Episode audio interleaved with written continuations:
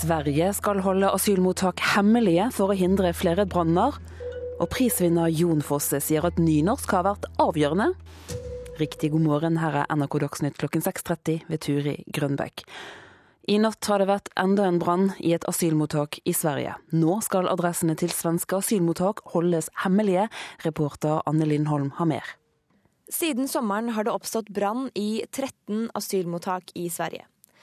Senest i natt ble det meldt om en ny brann på en nedlagt førskole i Danderyd. Brannen oppsto bare timer etter at kommunen kunngjorde at skolen skulle bygges om for å ta imot 70 asylsøkere. Det skriver den svenske avisen Dagens Nyheter. Hvordan de 13 brannene oppsto er eh, ikke klart, men politiet mistenker at flere av dem er påsatt og utelukker ikke hatkriminalitet. Det svenske migrasjonsverket har nå bestemt at asylmottak får hemmelig adresse. Det gjelder både de nye mottakene som opprettes, og de som allerede finnes. Migrasjonsverket og politiet har økt vaktholdet ved flere asylmottak. Samtidig følger det svenske sikkerhetspolitiet mer med i høyreekstreme nettmiljøer der brannene blir hyllet. Telemark fylkeskommune finansierer avtalen med First House med regionale utviklingsmidler. Nasjonalt er det utbetalt 3,8 milliarder kroner på tre år, men det er uklart hva som er oppnådd. Det sier statssekretær i Kommunaldepartementet Jardar Jensen. Denne ordningen har jo blitt evaluert opp gjennom eh, årene. Og resultatene har vel kanskje ikke vært i henhold til innsatsen fra departementet. Men om det har vært direkte misbruk, det tør jeg ikke å svare på. Jeg kan ikke si konkret på, på Telemark eh, den dag i dag, men eh, det, det, prosjektet som jeg vet er litt i søkelyset, så er jo ikke det avsluttet. og Ergo så har vi heller ikke fått sluttrapporten på det. Så vi har ikke hatt noe grunnlag til å stille spørsmål til det ennå. Nynorsk har vært helt avgjørende, det sa Jon Fosse da han mottok Nordisk råds litteraturpris i går kveld. Fosse er kjent verden over, han blir hyllet som en betydelig litterær stemme, og selv sier han at nynorsken har vært et viktig holdepunkt i livet. Jeg levde et ganske jeg vil ikke si rotete liv, men iallfall omskiftelig. Det tror jeg trygt kan si. Og nynorsken har for meg vært et slags fast hus, eller en slags heim i verden. Blitt. Det har blitt det etter hvert. altså. Det, ja, det er min heim. Ja, så blir det, blir det jo mer, enda mer innbitt, fordi nynorsken er jo et minoritetsspråk og er ganske mobba og forhatt osv. Da blir det jo stri som faen. Det sa vinneren av Nordisk råds litteraturpris. Og det var siste nytt fra NRK Dagsnytt.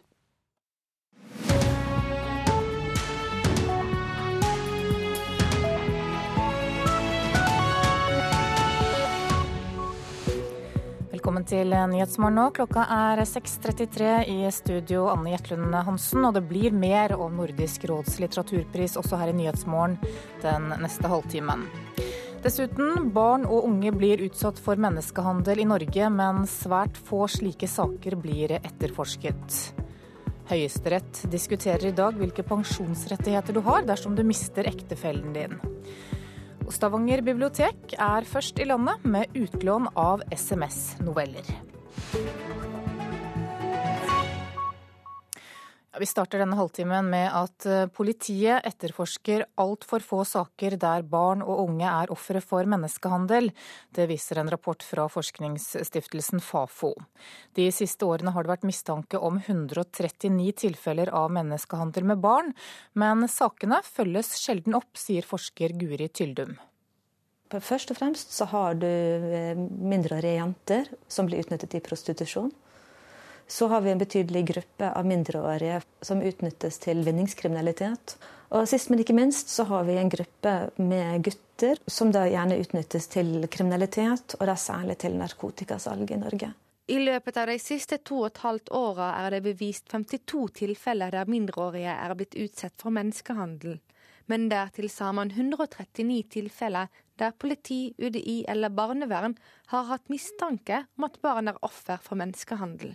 Og Mange av de har da forsvunnet før man har klart å få en sikkerhet i hva som har skjedd. Og det er ingen tvil om at det er mørketall også, sier Tyldum. Usemje om barn faktisk er offer for menneskehandel og hvem som har ansvaret for barna til enhver tid, fører altså til at de faller mellom ulike stoler. Få av de sakene blir etterforska, og enda færre havner i retten, ifølge rapporten. Politiet ønsker å etterforske enhver menneskehandelssak effektivt og så godt som mulig. Det sier Astrid Borge i Politidirektoratet. Og til spørsmål om hvorfor det er få saker som blir etterforska, svarer hun. Menneskehandelssaker er ofte krevende å etterforske, og det er et komplisert bevisbilde. Det er noe av grunnen til at det er relativt få domfellelser. Hva syns politiet om eh, samordning mellom UDI og barnevern i håndteringen av menneskehandelssaker? Politiet bistår barnevernet bl.a. med identifisering, eh, lage trusselvurderinger og komme med sikkerhetstiltak. Men når det er eh, selve håndteringen av barna, så er det innenfor barnevernets ansvar. Seniorrådgiver i Barne-, ungdom- og familiedirektoratet Dag Lunde Falling sier at barnevernet også er avhengig av et godt samarbeid med politiet. Men om oppfølginga til barnevernet er god nok, er han usikker på. Det har ikke vi oversikt over. Vi som fagdirektorat ser er at eh, ansvaret for barn, alle barn som oppholder seg i en kommune, er et kommunalt ansvar. Og Barnevernstjenesten i kommunen er den instansen som har det ansvaret. Og når det er så utydelig hvem som har ansvaret for de ulike oppgavene i arbeidet med mindreårige offer for menneskehandel, så er resultatet som forskeren sier. Så blir det til at alle sier at nei, dette er de andre sitt ansvar. Eh, og barna faller gjennom og blir gjerne litt kasteballer i systemet. Reporter her, det var Hibba Sarmadawi. Kommunikasjonssjef Line Hegna i Redd Barna, velkommen. Takk. Du, hvordan reagerer du på det du hører her? Nei, vet du, Vi er kjempebekymra for at det i Norge i dag lever barn under forferdelige forhold som offer for menneskehandel, uten at vi gjør alt vi kan for å finne de og få de i trygghet. For det er et problem at de ikke blir etterforsket, men det er også et problem at vi ikke eh, leter etter de og fanger det opp. For vi vet, som det ble sagt i reportasjen, at mørketallene er store. Og så er vi også bekymra for at dette problemet skal øke. For nå med flyktningkrisen så kommer det rekordmange barn aleine til Norge. De kommer til mottak eh, som er overfylte, hvor det er altfor få voksne på altfor mange barn. Og de voksne de har ikke ikke kjangs til å følge opp de barna på en eh, ordentlig måte. Så der er det kaos, og barn eh, forsvinner. Så hører vi, Det høres litt kaotisk ut også disse, den ansvarsfordelingen i disse sakene. Hva, hva, hvordan var ditt inntrykk? Nei, ja, nei, Det stemmer. Det er eh, barnevernet, politi og UDI som har ansvaret her. De Barna blir på en måte kasteballer eh, mellom de, og ingen eh, ser ut til å ta ansvar. Denne rapporten som kommer fra Fafo i dag, den heter 'Ikke våre barn'. Eh, og det er litt sånn symptomatisk. Vi hadde ikke behandlet eh, våre barn, norske barn, på denne måten. Det hadde ikke samfunnet akseptert akseptert. Og vi hadde ikke akseptert at disse offentlige myndighetene hadde brukt så lite ressurser på det. Så her må det en helt annen koordinering til, det må en helt annen satsing til, og ikke minst så må det mer kunnskap til i alle disse etatene som, som, jobber med barna, som skal fange det opp og som skal behandle det. Hvem er disse barna, da? De barna er eh, de aller, aller mest sårbare. De har kommet til Norge. En del har vært utsatt for menneskehandel allerede der de kommer fra. Mange underveis, og så blir en del eh, fanget opp og utsatt for menneskehandel i Norge. Så dette er barn som, eh, som ikke har trygge voksne til å passe på seg, eh, og som, eh, som blir svikta når de kommer til Norge, for heller ikke her får de den tryggheten. Så hørte vi også litt om dette i innslaget. Det kan være snakk om prostitusjon eller salg av narkotika. Men kan du si litt mer om hva slags menneskehandel de blir utsatt for? Ja, menneskehandel har I Norge så er det tigging, prostitusjon eller andre seksuelle overgrep og kriminalitet som, som, eh, som vi finner. Eh, andre steder i verden så er det også andre typer menneskehandel som barn blir eh, utsatt for. Og Det som karakteriserer menneskehandel, er at det er organisert kriminalitet. Her er det kyniske bak bakmenn, både i Norge og internasjonalt, som tjener grovt på eh, utnyttelse av barn. Dette her er en av verdens største industrier. Eh, rett etter narkotikahandel så er menneskehandel en av de største industriene i verden eh, når det gjelder organisert kriminalitet. Ja, hvem er bakmennene her i Norge? Eh, bakmennene her i Norge, vi, vi, vet jo for lite eh, om det. Det er jo et av problemene, at man ikke har ressurser til det. Men eh, bakmenn både her og, i, og, internasjonalt tjener enorme summer. Så dette er en, en, en stor økonomisk drivkraft og krimin, kriminell organisasjon som står bak. Line Hegna, takk for at du kom hit til Nyhetsmorgen.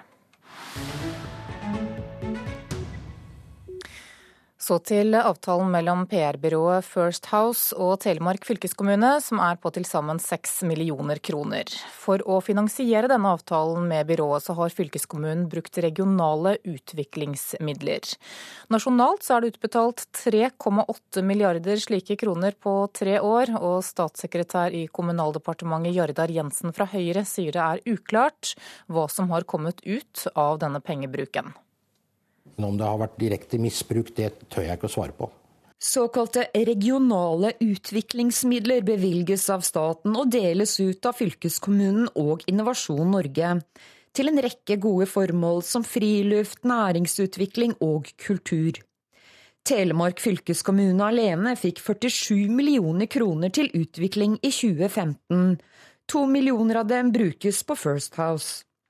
Nasjonalt brukes over 1 milliard kroner per år, selv om regjeringen har kuttet støtten med 27% siden 2013. Denne ordningen har jo blitt evaluert opp gjennom eh, årene. Og resultatene har vel kanskje ikke vært i henhold til innsatsen fra departementet. Å skape flere arbeidsplasser har vært fokus for Telemark fylkeskommunes bruk av midlene. Det er viktige midler for å knytte tette bånd mellom næringslivet og det regionale utviklingsaktøren.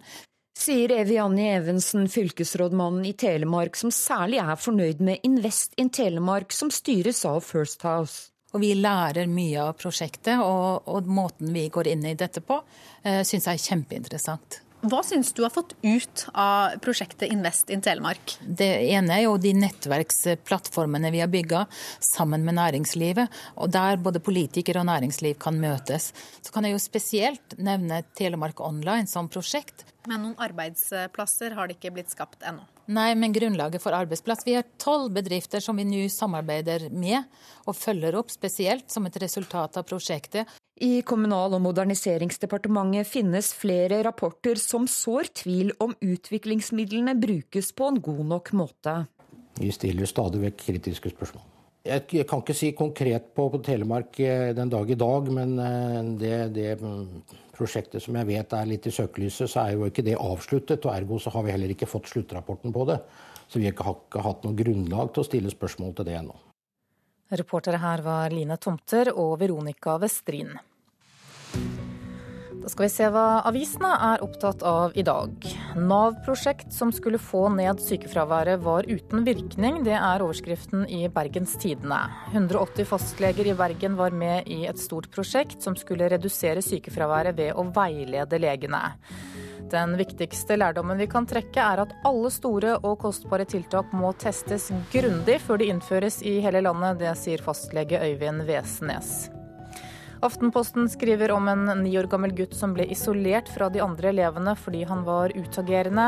I ett år ble gutten plassert alene på et rom med en assistent når de andre hadde friminutt.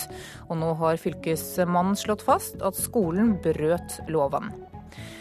For eh, første gang svarer flere arbeidstakere at de vil prioritere god pensjon fremfor høyere lønn. Det skriver Dagens Næringsliv. Undersøkelsen fra DNB overrasker bankens egen pensjonsekspert. Investor Øystein Stray vil ikke ha krisehjelp til oljenæringen. De som ikke har livets rett må dø, sier han til Klassekampen i dag. Ikke kødd med akuttkirurgien, det er overskriften i Nasjonen. Og ifølge avisen så er dette meldingen fra nestleder Olaug Bollestad i KrF til helseminister Bent Høie. Budskapet er at akuttberedskapen ved norske lokalsykehus må beholdes, og Bollestad og Høie møtes til debatt i Politisk kvarter her i P2 klokka 7.45. Hvem skal passe knøttet, spør Dagsavisen i dag. Høyres likestillingsutvalg mener at far må kunne ta ut permisjon selv om også mor er hjemme. Og utvalget vil også gjøre det enklere å ta ut permisjonen stykkevis innimellom jobbing. Vårt Land forteller at dobbelt så mange er innom kirken på ukedagene som på søndager. Ansatte i kirken er lei av å høre at kirken bare brukes til dårlig besøkte gudstjenester på søndagene. VG skriver at mannen som er dømt for terrorangrepet 22.07.2011 har fått en medinnsatt. I to og en halv uke har en 38 år gammel mann vært plassert på høysikkerhetsavdelingen i Skien sammen med ham. Mens Dagbladet ser på avsløringene i boken til Bjørn Kjos. Overskriften er 'Hevnen, gamblingen og triksene'. Skal vi ha sport. Langrennsløper Petter Northug kan ta karrierens første seier i Tour de Ski til vinteren. Det mener 29-åringens trener Stig Rune Kveen. Men NRKs langrennsekspert er ikke like sikker. Eh, ja, han er sterk og har noen gode bein. Den søndagen eh, i Tour de Ski så Eh, så kan jeg absolutt vinne Tour de Ski. Petter Northugs trener Stig Rune Kveen tror skistjernen kan ta sin første seier i Tour de Ski i januar. NRKs langrennsekspert Fredrik Aukland tror trønderen trenger et stort forsprang inn i den avsluttende monsterbakken for å kunne vinne. Tidligere har Petter eh, prøvd å vinne Tour de Ski. Han har ikke klart det pga. at han har blitt slått eh, i slalåmbakken. Og der har han selv uttalt at han er eh, for tung. Jeg tror Petter Northug trenger et forsprang på minimum et halvt minutt, samtidig som han faktisk må heve seg på nettopp det å gå i en lang, bratt sammenhengende motbakke. Northug har vunnet det meste som det går an å vinne i langrennssporet, men i Tour de Ski står han med fire andreplasser og to tredjeplasser sammenlagt. Trener Kveen mener han kan vinne neste års utgave, selv om han er litt for tung. Ingen tvil om at uh, Petter har en liten uh, handikap, at han er litt større og lengre og litt yngre enn de minste klatrerne. Men uh, har han gode bein uh, den søndagen, så er det jo selvfølgelig mulig å, å vinne to Ja, reporter her, det var Emil Gukild. Du hører på Nyhetsmorgen nå. Klokka er 6.47 straks. Dette er hovedsakene våre. Barn og unge blir utsatt for menneskehandel i Norge, men svært få slike saker blir etterforsket. Det hadde vi aldri godtatt med norske barn, sier Redd Barna. Telemarks avtale med First House betales med statlige utviklingsmidler. Og følg oss videre. Nynorsk har vært helt avgjørende, det sa Jon Fosse da han mottok Nordisk råds litteraturpris i går. Hvilke pensjonsrettigheter har du dersom du mister ektefellen din? Det skal Høyesterett diskutere i dag. Hilde Skjervø fra Namsos ble enke for fire år siden, men får ikke utbetalt ektefellepensjon. Årsaken er at hun og ektemannen Cato hadde vært gift i mindre enn ett år, og at han døde av en sykdom de visste om da de giftet seg. De to var samboere i tolv år før Cato døde. Jeg gleder meg, jeg gleder meg egentlig til, til at det, det, starter. Nå har jeg gått og venta en stund på at det, skal, at det skal opp til Høyesterett. Og det skal bli godt å bli ferdig med. Jeg er jo forberedt på, på å ikke få medhold, eh, men allikevel så, så, gleder jeg meg til å bli ferdig med det. Jeg har liksom prøvd det som, som jeg kan. Hilde Skjervø var samboer med Cato i tolv år. Så fikk han kreft og døde. Det hele gikk svært fort, og de rakk så vidt å gifte seg før hun satt alene igjen sammen med deres to små unger. Et nytt sjokk kom da det viste seg at de hadde vært gift for kort tid til at hun kunne få enkepensjon og samboere de har i det hele tatt ikke krav på noe sånt i Norge i dag. I sorgen etter tapet har kampen for rettferdigheten blitt viktig. Eh, rollen min nå er at jeg bare skal sitte i salen og høre på. Eh, og høre på at advokatene eh, prater seg gjennom en og en halv dag. Det er to hovedspørsmål som eh, saken reiser. Det første er hvorvidt eh, Høyesterett kan prøve denne kjennelsen eller den vurderinga som Trygderetten har gjort av vilkårene for å få etterlattepensjon i Hilde Skjerves tilfelle. Eh, og Det andre hovedspørsmålet, forutsatt at de kan prøve denne bestemmelsen, det er jo da hvorvidt Hilde Skjerve fyller det som er et krav til særlige grunner for å få etterlattepensjon. Det sier Marianne Kartum, som er advokaten som eh, fører saken for Hilde Skjerve i Høyesterett. En sak som det har kosta ganske mye å ta så langt ja, koster jo både krefter og, og koster økonomisk også. Det er jo den økonomien som hele tida har vært spørsmålet om man skal ta den videre eller ikke. Kan jeg risikere å tape? Kan jeg bruke så mye penger på det her? Men, eh, men eh, jeg har jo gjort så i ettertid så har man jo faktisk fått innvilga både fri, altså fri sakførsel for Høyesterett, så jeg har ikke noe utgifter knytta til saken i Høyesterett fordi at den er av prinsipiell karakter. Men du snakker om det har kosta noe annet og ikke bare penger. Hvorfor er det verdt det? Det er forhold i den saken her som jeg ikke syns henger på greip. Og det er det tydeligvis flere som også syns, da, i og med at den faktisk er, tatt inn helt til, til Høyesterett. At de også ønsker å, å se på, på forhold i den saken. Mm. Og så er det jo også, det at man kan faktisk eh, få til en endring, sånn at det blir, kan bli et annet utfall for, eh, for noen andre i samme situasjon. Og det er jo en motivasjon, det også. Hildes sak vakte oppmerksomhet da den ble kjent, og flere politikere ønska å ta opp saken i Stortinget nettopp pga. det fokus som den har fått. Men i dag og i morgen er det altså Høyesterett og behandlinga der som opptar Hilde Skjerve. Og så blir det spennende å vente på dommen. Det jeg har hørt, er at det skal ta, ikke ta så veldig lang tid. Det tar ikke flere uker. Eh, ofte kommer vel en dom innen, innen ei uke. Så, så, det blir ikke så lang tid å vente, da, forhåpentligvis. Skal du sitte i Oslo og vente? Nei, da skal vi hjem igjen. Da vi har et liv hjemme som, eh, som fortsetter det. Reporter her, det var Kjartan Trana. Nynorsk har vært eh, helt avgjørende, det sa Jon Fosse da han ble tildelt Nordisk råds litteraturpris i går kveld. Fosse er kjent verden over og blir hyllet som en betydelig litterær stemme. Og selv så sier han at nynorsken har vært et viktig holdepunkt i livet. Vinner av Nordisk rådets litteraturpris 2015, Jon Fosse for trilogien 'Andvake Olas Ravmærkvelta'. Takk, takk, takk for Nordisk råds litteraturpris. Jon Fosse fikk Nordisk råds litteraturpris for sin romantrilogi Andevake-trilogien, basert på dramaene Andevake, Olavs draumar og Kveldsvevd.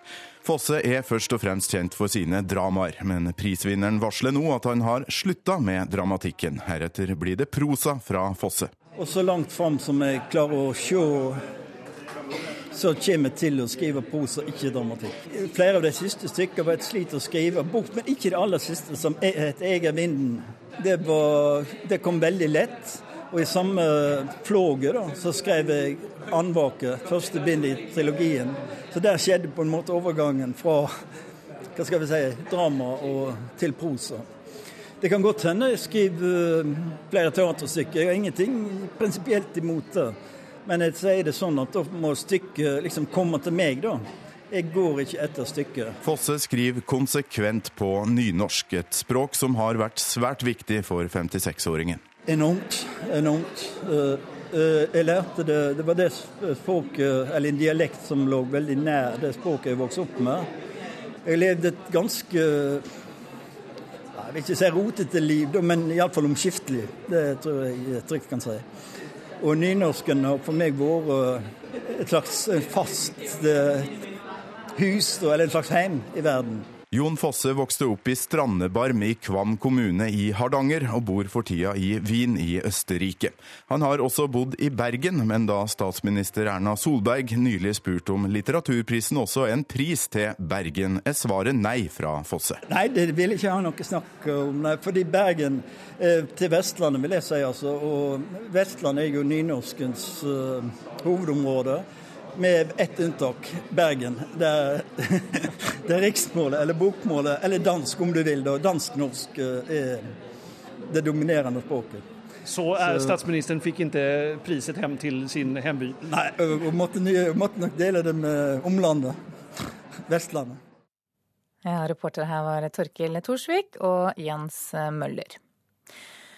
Stavanger bibliotek blir først i landet med å tilby utlån av SMS-noveller.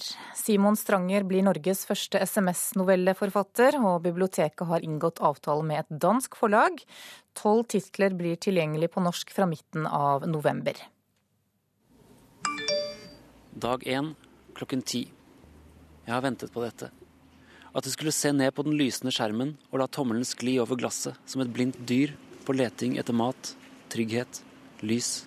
Forfatter Simon Stranger leser opp den første tekstmeldingen i en ny SMS-novelle han har skrevet. Jeg har forsøkt å se for meg øyeblikket når tekstmeldingen åpner seg, folder seg ut, slik at ordene endelig lyser mot deg, inn i deg. Novellen er spesialskrevet for SMS-formatet og består av ti tekstmeldinger. Den handler om um, hvilke mulige fremtidige jeg vi kan bli. Så man får da tekstmeldinger av et, en av mange mulige versjoner av seg selv fra fremtiden. Om kort tid kan Strangers novelle lastes ned og kjøpes fra det danske forlaget SMS Press, som er alene om å satse på dette formatet. En typisk utgivelse varer i to til tre dager og består av mellom tre og ti meldinger per dag, alt etter hva forfatteren har bestemt. Noen får det på kvelden, noen får det på dagen, du vet ikke når de kommer. Så det er en sånn overraskende leseropplevelse. Målgruppen er de som eh, bruker mobiltelefonen i det daglige, og som har lyst til å få litt kulturell input på nye måter. Det sier prosjektleder ved Stavanger bibliotek, Siri Oddfjell Risdal. Biblioteket har inngått en ettårig lisensavtale med danskene, og blir først i Norge med å tilby gratis utlån av SMS-noveller, med oppstart om ca. to uker. Jeg syns det er viktig at et moderne bibliotek må være en digital kunnskapsressurs, og at vi gir tilgang til kunnskap og kultur som en ellers ville måtte betale for, uavhengig av format. Og så er det klart at vi har lyst til å utvide tilbudet til de lånerne vi allerede har, men så har vi jo òg lyst til å nå nye lånere. Og det kan vi jo kanskje gjøre da med å prøve ut nye plattformer. Melding nummer tre, dag to klokken 14.30. Antagelig lurer du på hvem jeg er. Foreløpig er Simon Stranger eneste norske forfatter som er med, men det jobbes med å få med flere. Og for bibliotekets lånere blir tolv titler tilgjengelig på norsk i første omgang, sier Oddfjell Risdal.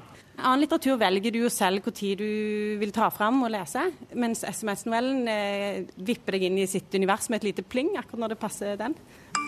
Jeg fikk litt kick av det selv, faktisk, å få disse meldingene. Helt plutselig ikke ane når de kom fra, bare kjenne at det dirrer i lomma, så ta opp, og så er det ikke en melding fra en venn eller noe, men en novelle. Ja, Det sa forfatter Simon Stranger til reporter Anette Johansen Espeland.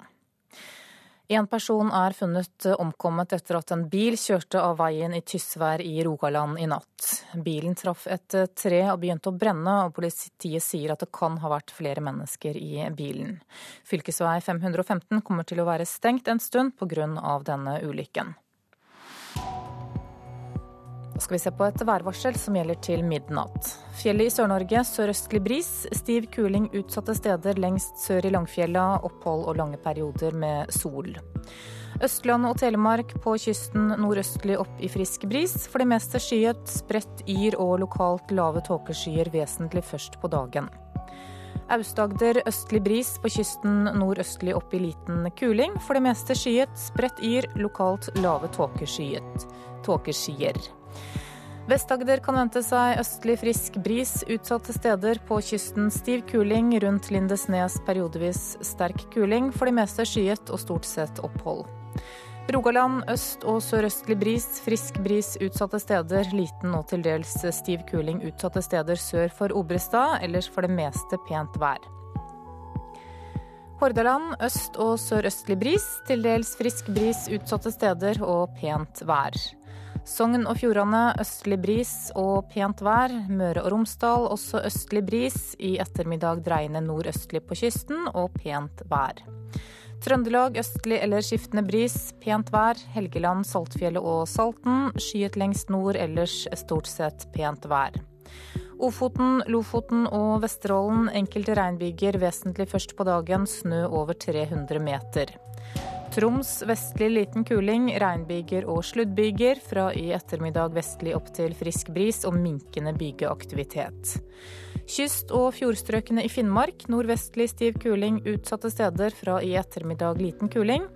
Sent i kveld kan hende nordvestlig stiv kuling på kysten i vest, ellers frisk bris av skiftende retning, sluddbyger og snøbyger. Finnmarksvidda i ettermiddag dreiende nordvestlig frisk bris. Enkelte sludd- og snøbyger, og på Nordensjøland på Spitsbergen er det ventet pent vær i dag. Så tar vi med temperaturene som ble målt klokka fire. Da hadde Svalbard lufthavn minus 14 grader. Kirkenes null, Alta tre, Tromsø fire, Bodø 2. Brønnøysund 1, Trondheim minus 1, Molde 6, Bergen 4, Stavanger og Kristiansand 7, Gardermoen og Lillehammer 4, Røros 2 og Oslo-Blindern 7 grader.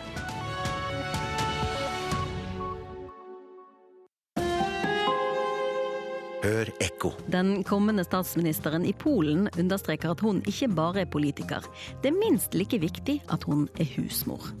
Det konservative Lov- og rettferdighetspartiet står igjen som den suverene vinneren av valget i Polen. Mens det tredje største partiet ledes av en avdanket rockestjerne. Hva skjer i Polen? Ekko 9 11 i NRK P2. Halvparten av barn i fosterhjem har psykiske lidelser. Og hvert år dør tolv personer i bygg- og anleggsbransjen. Her er NRK Dagsnytt ved Turi Grønbekk klokken sju.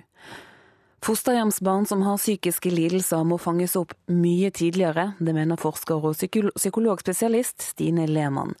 Halvparten av fosterhjemsbarn har én eller flere psykiske lidelser, ifølge hennes doktorgrad.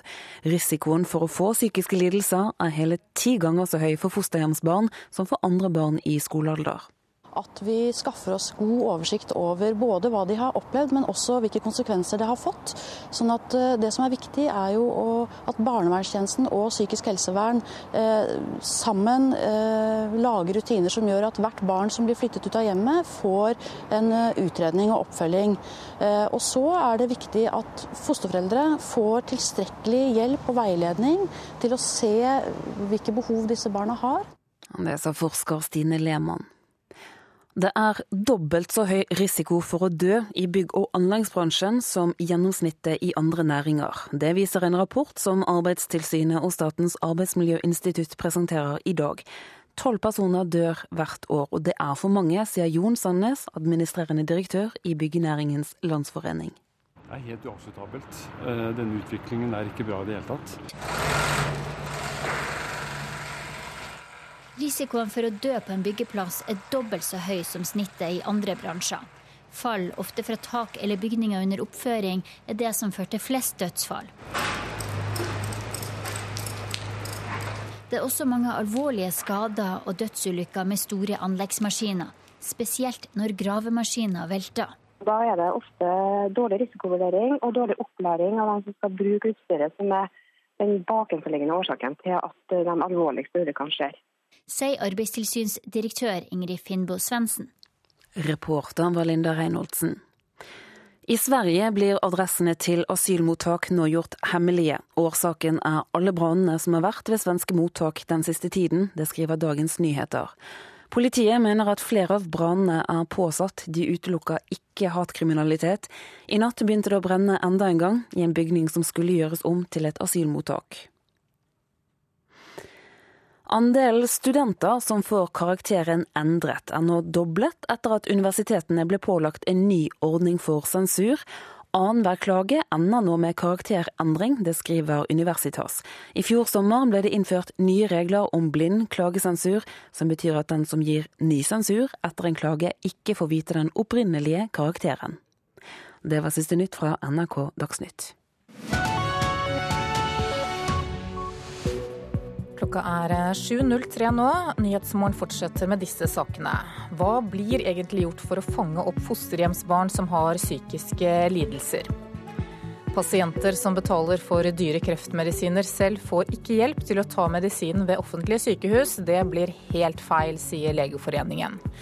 Og så skal vi til Sverige om noen minutter, der det har vært nok en brann ved en bolig som skulle brukes til asylmottak i natt.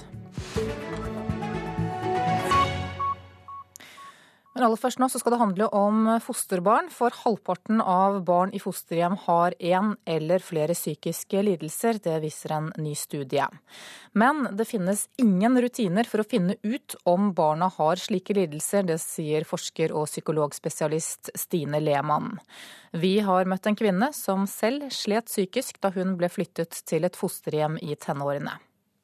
Ifølge fagpersonene rundt meg da, så var jeg veldig apatisk og jeg var på vei inn i en depresjon. I tenårene opplevde hun omsorgssvikt fra sine foreldre, og ble flyttet til et fosterhjem. Jeg gjorde det dårlig på skolen, og hadde ikke så bra venner. Og hadde det ikke så bra, var veldig lite hjemme, var bare ute. Hadde det, hadde det vondt, da. Og kvinnen, som nå er i 20-årene, er langt fra den eneste som har fått psykiske lidelser som følge av omsorgssvikt. Så mange som 50 eh, av disse barna har én eller flere psykiske lidelser. Forteller Stine Lehmann, som er forsker og psykologspesialist ved Uni helse. Tusenvis av barn bor i fosterhjem i Norge. Men det finnes ingen rutiner for å finne ut om barnas psykiske helsetilstand, forteller forskeren. Konsekvensen er at mange ikke blir fanget opp når de blir plassert i et fosterhjem. Hun er klar på hvilke tiltak som må inn tidligere at barnevernstjenesten og psykisk helsevern eh, sammen eh, lager rutiner som gjør at hvert barn som blir flyttet ut av hjemmet, får en uh, utredning og oppfølging. Eh, og så er det viktig at fosterforeldre får tilstrekkelig hjelp og veiledning til å se hvilke behov disse barna har. Direktør Mari Trommal i Barne-, ungdoms- og familiedirektoratet mener det viktigste er å gripe inn tidlig. Slik at man kan forebygge at disse barna får eh, skader og, og utvikler da psykiske lidelser som følge av omsorgssvikt. Hun er i full jobb nå. sånn var det. Men for noen år siden ble hun deprimert på nytt. Plutselig klarte jeg ikke skolen, og jeg klarte ikke jobb. Og jeg ble deprimert. Og hadde det veldig vanskelig, fordi eh, plutselig var det ikke så mange rundt meg som det det var før. Så jeg hadde kanskje ikke den oppfølgingen som man, mange har når de bor i normale hjem, da, hvis man kaller det det, vanlige hjem. Og hun er opptatt av at fosterhjemsbarna må bli ivaretatt også når de er voksne.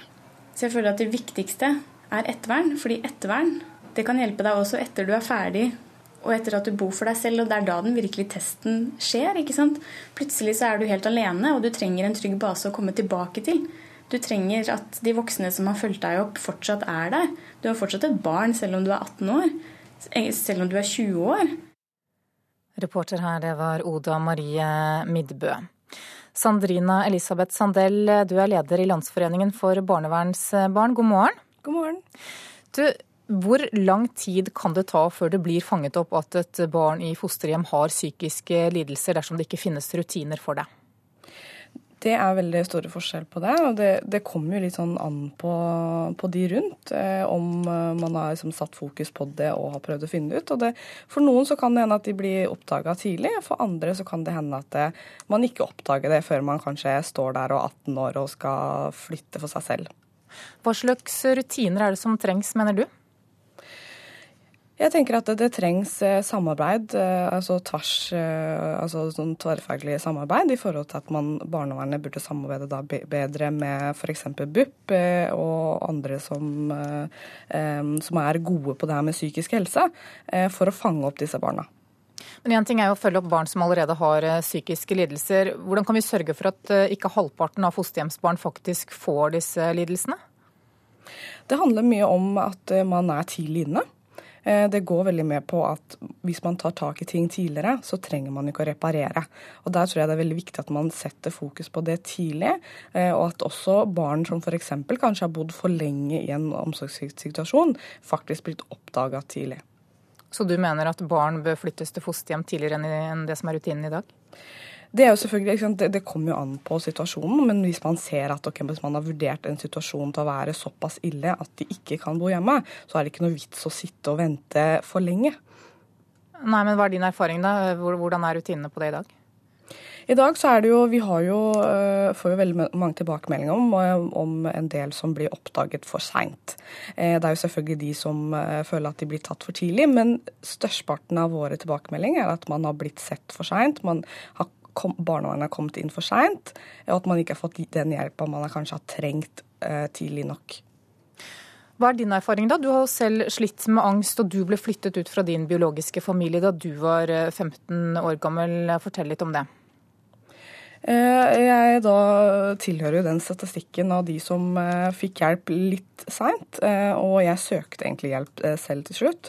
Eh, og det har jo selvfølgelig påvirket mye. Når man er sant, blitt tenåring, så er man har bygd opp veldig mye.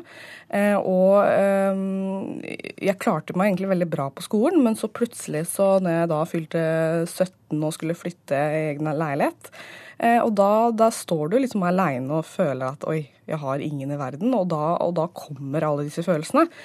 Og da møtte jeg rett og slett veggen og gikk i en ganske dyp depresjon. Mm. Hva med de som er fosterforeldre, da? Hvor, hvor, godt rustet er de til å, vare, til å ivareta barn som, eh, som, har psykiske lidelser? Altså, vi skal rose eh, fosterforeldre. Eh, mange er veldig engasjerte, og de står virkelig på for barna. Men jeg tenker at de også trenger informasjon om hva barnet sliter med. Eh, og det tenker jeg kommer sant, av at man faktisk eh, tar tak i problemene tidlig og utreder ordentlig. Hva er det dette barnet har opplevd, hva kan de slite med, har vi prata med barnet i forhold til hva de syns er vanskelig? Kartlegge, kartlegge, kartlegge. Sandrina Elisabeth Sandel, takk for at du var med her i Nyhetsmorgen. Takk for det.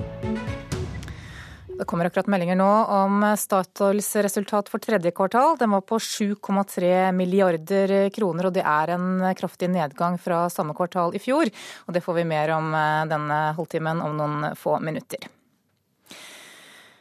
Nå skal det handle om pasienter som kjøper dyr kreftmedisin av egen lomme, for de blir nemlig avvist av offentlige sykehus, og de får heller ikke hjelp til å ta denne medisinen. Men Legeforeningen mener at pasientene kan vise til loven og kreve hjelp til å få tatt den livsviktige medisinen. Kreftsyke Monica Kjåland betaler selv 1,8 millioner kroner for en medisin som det offentlige ikke ikke tilbyr. Og når hun skal ta medisinen, så må hun skrives ut fra sykehuset, og så gå til en privat helseklinikk. Jeg hadde ikke noe alternativ. Det var bare å sitte og vente på at det skulle vokse seg stort nok. Firebarnsmoren Monica snakker om kreftcellene som sakte, men sikkert ødelegger kroppen hennes. Den medisinen som best kan hjelpe henne, immunterapimedisinen Opdivo, er lovlig i Norge, men den er så dyr at det offentlige ikke vil betale for den. Medisinen har jo med livskvaliteten å gjøre. Hvor mye er et liv verdt? Monica får heller ikke hjelp på sykehuset til å ta medisinen. Hver 14. dag må hun derfor skrives ut fra det offentlige sykehuset i Stavanger og kjøre til en privat klinikk for å få satt medisinen intravenøst. Men kreftlegene i Legeforeningen reagerer på praksisen, og har tatt den opp med sine jurister. Da sier juristene i Legeforeningen at dette er sannsynligvis en feil tolkning, og at sykehusene ikke har lov til å nekte pasienter å få medisin som de har betalt selv.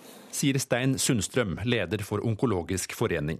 Han anslår at hvert år kan rundt 2000 pasienter med lunge-, nyre- eller føflekkreft havne i samme situasjon som Monica. At de vil trenge dyrere medisiner enn det det offentlige betaler for. Og En del pasienter vil da kjøpe det selv. Eh, og må da få satt det på private sykehus, først og fremst Aleris i Oslo. Men hvis de kommer til sykehusene sykehuset og ber om å få satt, hvordan blir de møtt? Da får de per i dag nei.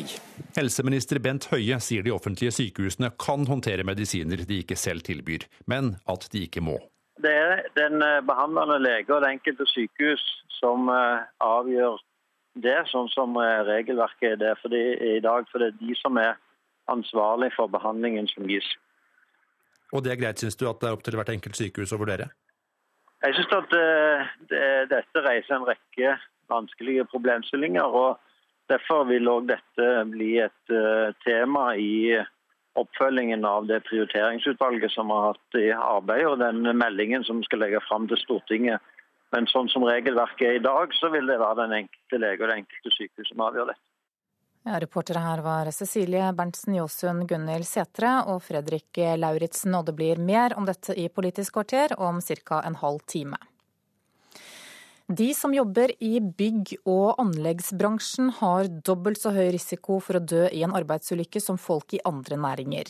Det viser en ny rapport som Arbeidstilsynet og Statens arbeidsmiljøinstitutt presenterer i dag. Tolv mennesker mister livet i bygg- og anleggsbransjen hvert år, og det vil Jon Sandnes, som er administrerende direktør i Byggenæringens Landsforening, endre på. Det er helt uakseptabelt. Eh, denne utviklingen er ikke bra i det hele tatt. Det er også noe av grunnen til at vi for eh, litt over et år siden tok initiativ til å få alle aktørene i byggenæringen til å møtes. Byggherrer, eh, rådgivere, arkitekter, de utførende arbeidstakerorganisasjonene. Aktørene i byggebransjen satte seg ned for å skape en tryggere bransje. Første skritt var å få fakta på bordet, kartlagt av Arbeidstilsynet og Statens arbeidsmiljøinstitutt. Risikoen for å dø på en byggeplass er dobbelt så høy som snittet i andre bransjer. Fall, ofte fra tak eller bygninger under oppføring, er det som fører til flest dødsfall. Det er også mange alvorlige skader og dødsulykker med store anleggsmaskiner. Spesielt når gravemaskiner velter. Da er det ofte dårlig risikovurdering og dårlig opplæring av dem som skal bruke utstyret som er den bakenforliggende årsaken til at de alvorligste ulykkene skjer. Sier arbeidstilsynsdirektør Ingrid Finnbo Svendsen. Byggenæringens landsforening ba selv om denne rapporten. Så dette har vært en ønsket rapport. Og det jeg nå håper og tror, det er at vi greier å bruke denne faktaen til å gjøre tiltak som gjør at denne trenden snur sier Jon Sandnes, administrerende direktør i Byggenæringens landsforening. Nå skal hele bransjen og myndighetene samarbeide slik at ingen dør på jobb. Folk skal komme like hele hjem som når de går på jobben. Utenlandske arbeidstakere er overrepresentert i dødsstatistikken. Risikoen for skader er dessuten høyest blant de yngste. Det er også flere skader blant de som jobber 45 timer eller mer i uka. Også de som jobber skift og natt er mer risikoutsatt, viser rapporten. Mange liv kunne vært spart med bedre sikkerhetstiltak, påpeker Ingrid Finnbo Svendsen, direktør i Arbeidstilsynet. Ofte er det enkle grep som skal til for å unngå for at folk blir skadet eller mister livet på jobb. Men det er viktig å ha et daglig fokus på sikkerhet og ha klare ansvarslinjer i alle ledd. Så Det er viktig at alle aktørene tenker forebygging helt til de begynner å planlegge bygget. Reporter her var Linda Reinholdsen. Klokka har passert 7.16 nå. Du hører på Nyhetsmorgen. Dette er hovedsakene. Halvparten av barn i fosterhjem sliter med psykiske lidelser. Pasienter som kjøper dyr kreftmedisin av egen lomme, blir avvist av offentlige sykehus. Og i Sverige så blir adressene til asylmottak nå gjort hemmelige. Før det så skal det handle om eh, Statoil, for de har akkurat levert sitt resultat for årets tredje kvartal, dvs. Si juli, august og september. Og økonomireporter Sindre Heirdal, eh, du har alle detaljene. Ja, det var eh, et ganske skuffende resultat. Man har jo ventet selvfølgelig at resultatet blir sterkt preget av en oljepris som har mer enn halvert seg på litt over et år. Men dette var også litt dårligere enn det analytikerne ventet på forhånd. Justert driftsresultat er gjerne det man ser på. Og det klinket da inn på 16,7 milliarder kroner. Det er over 1 milliard dårligere enn man ventet seg. Og det er mer enn en halvering av det justerte driftsresultatet fra samme tid i fjor. Og hvis du ser på bunnlinja, altså resultatet etter skatt, så dunker det inn et minus på nesten 3 milliarder kroner. Og der hadde man faktisk ventet seg eh, en pluss. Eh, men det har litt med at man eh, tar avskrivninger, som det heter, altså tar tap på, på investeringer som man ser ikke er bærekraftige lenger. Du, Hva er det som preger resultatene til Norges største selskap denne gangen? Ja, Det er jo veldig oljeprisen, men samtidig også litt at de har vært ganske flinke til å pumpe opp både olje og gass. Eh, og dermed så, så sukker man pillen litt. Men det er jo et helt annet resultat enn vi har blitt vært vant til med fra Statoil. Eh, og det er tøffe forhold nå for eh, oljebransjen. Nå er oljeprisen gått under 50 dollar fatet. Den var lav i hele det kvartalet Statoil har lagt bak seg nå. Og det ser vi veldig tydelig i alle tallene her. Ja, hvordan påvirker det planene fremover? De kutter, som de har gjort i det siste, de kutter igjen i investeringsbudsjettet sitt med 1 milliard dollar.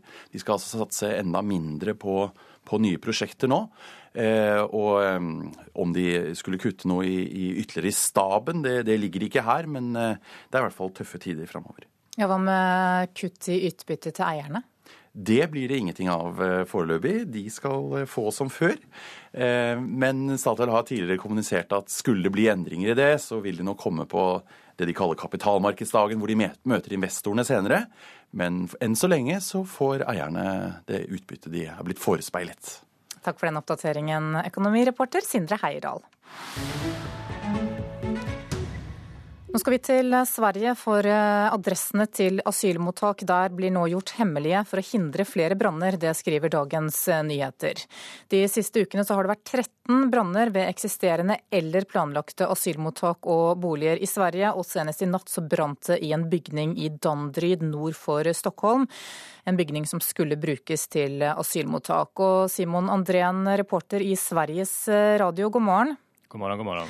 Du, hva vil myndighetene oppnå med å holde adressene til asylmottak hemmelige?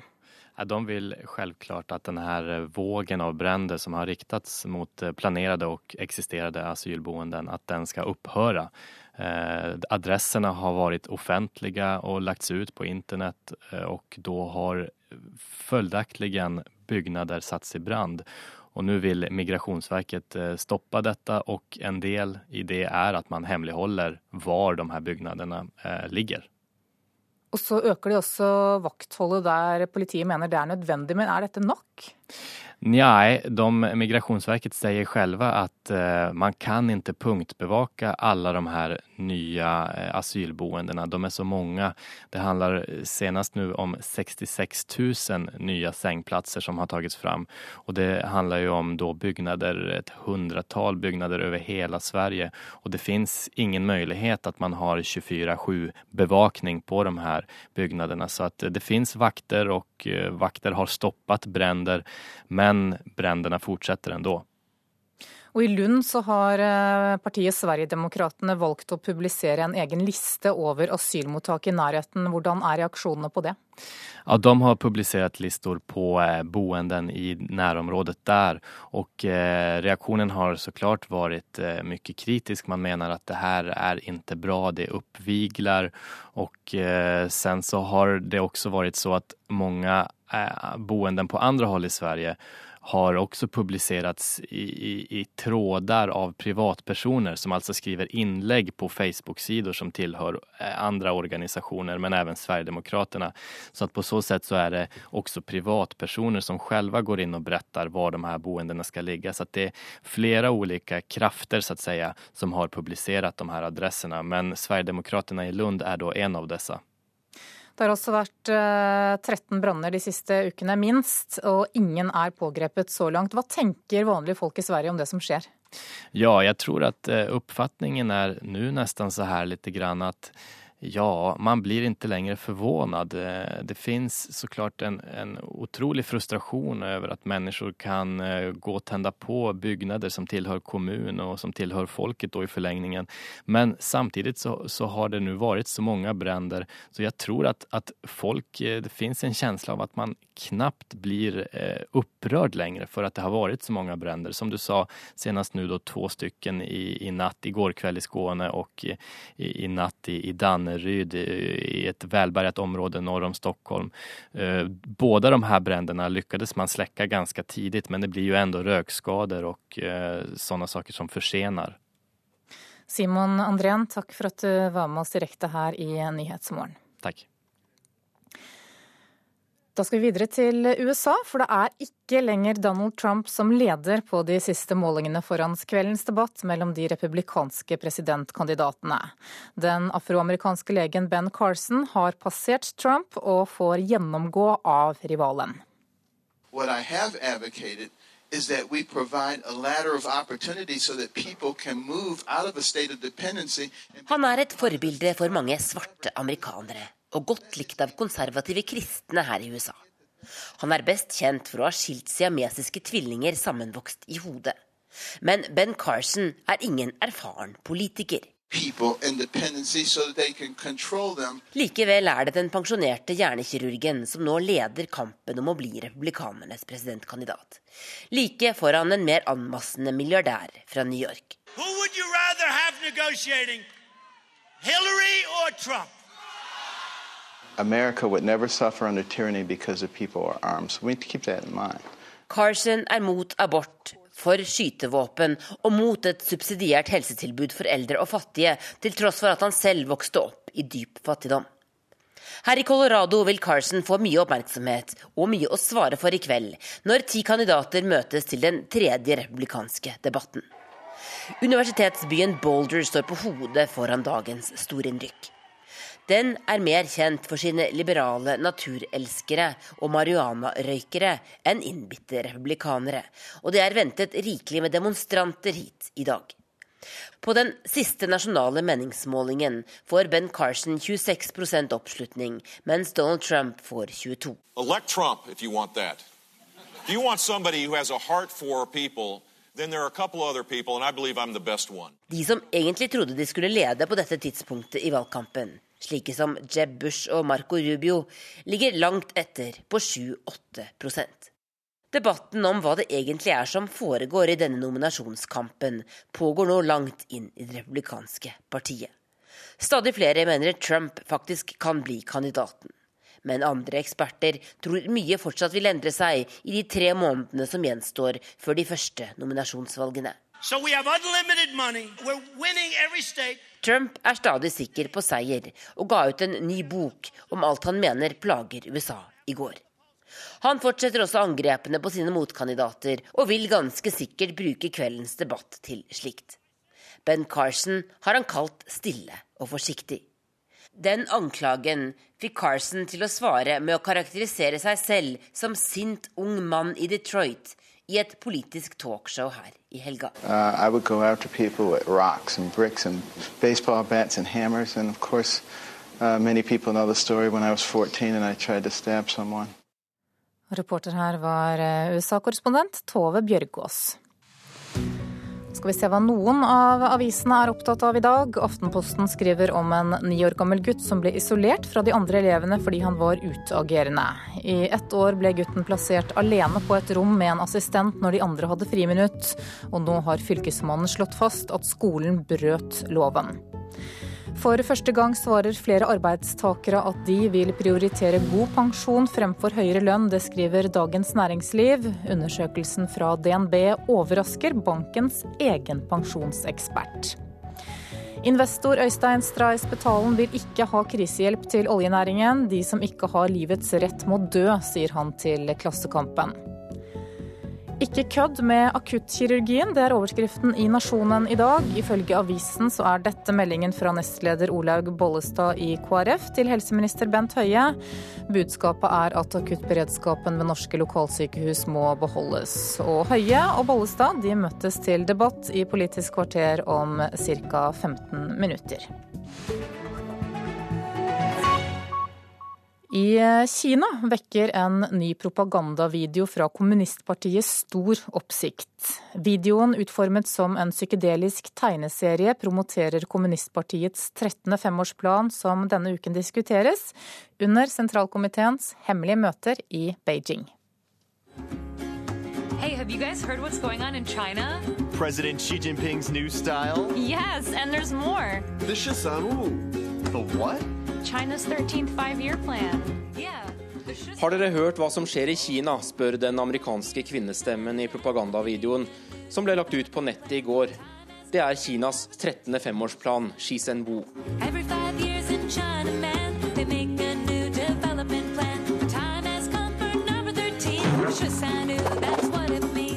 Hvert femte år i Kina lager partiet en ny plan, og nå er tiden kommet, fortsetter tegneseriefilmen som ifølge flere nettbrukere er produsert av det amerikanske reklamebyrået BBDOs kontor i Shanghai, og viser en gjeng ungdommer som seiler rundt i en tegneserieverden på en gammel folkevognbuss. But how do they make all the plans? First there's research views collected, then discussion and views projected. Reports get written and passed around. Videoen fremstiller Kinas neste femårsplan som en ganske bred politisk prosess, der bønder og rådgivere og partiledere blir tatt med på råd, før alles innspill bakes inn i den store planen. It's a huge deal. Like how huge? Huge. Like China huge? Yeah, China huge.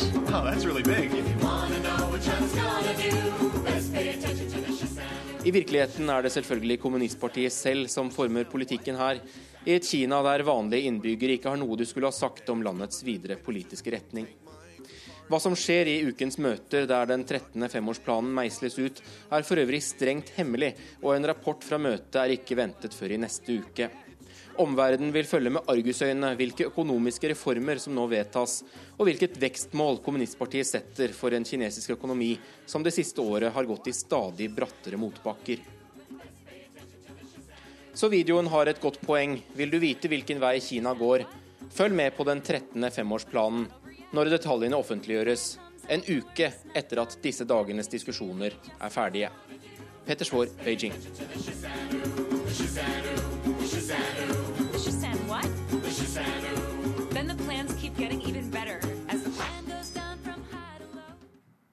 Du lytter til Nyhetsmorgen nå. Klokka nærmer seg 7.30 og Dagsnytt. Produsent for Nyhetsmorgen i dag det er Marit Selmer Nedrelid. Og her i studio Anne Jetlund Hansen.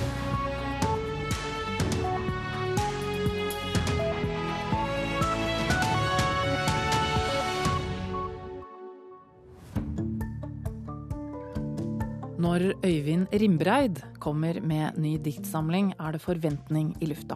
Denne gangen går han til jussen. Det handler om rett og urett, om gjengjeldelse, hat og straff.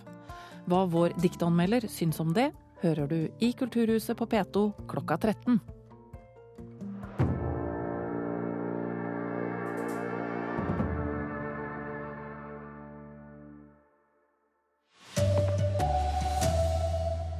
Halvparten av barn i fosterhjem har psykiske lidelser.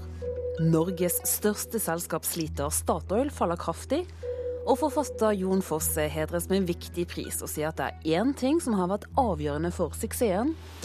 Og hva det er, blir det straks om, mer om her i NRK Dagsnytt. Klokken er 7.30 her i studio, Turi Grønbekk.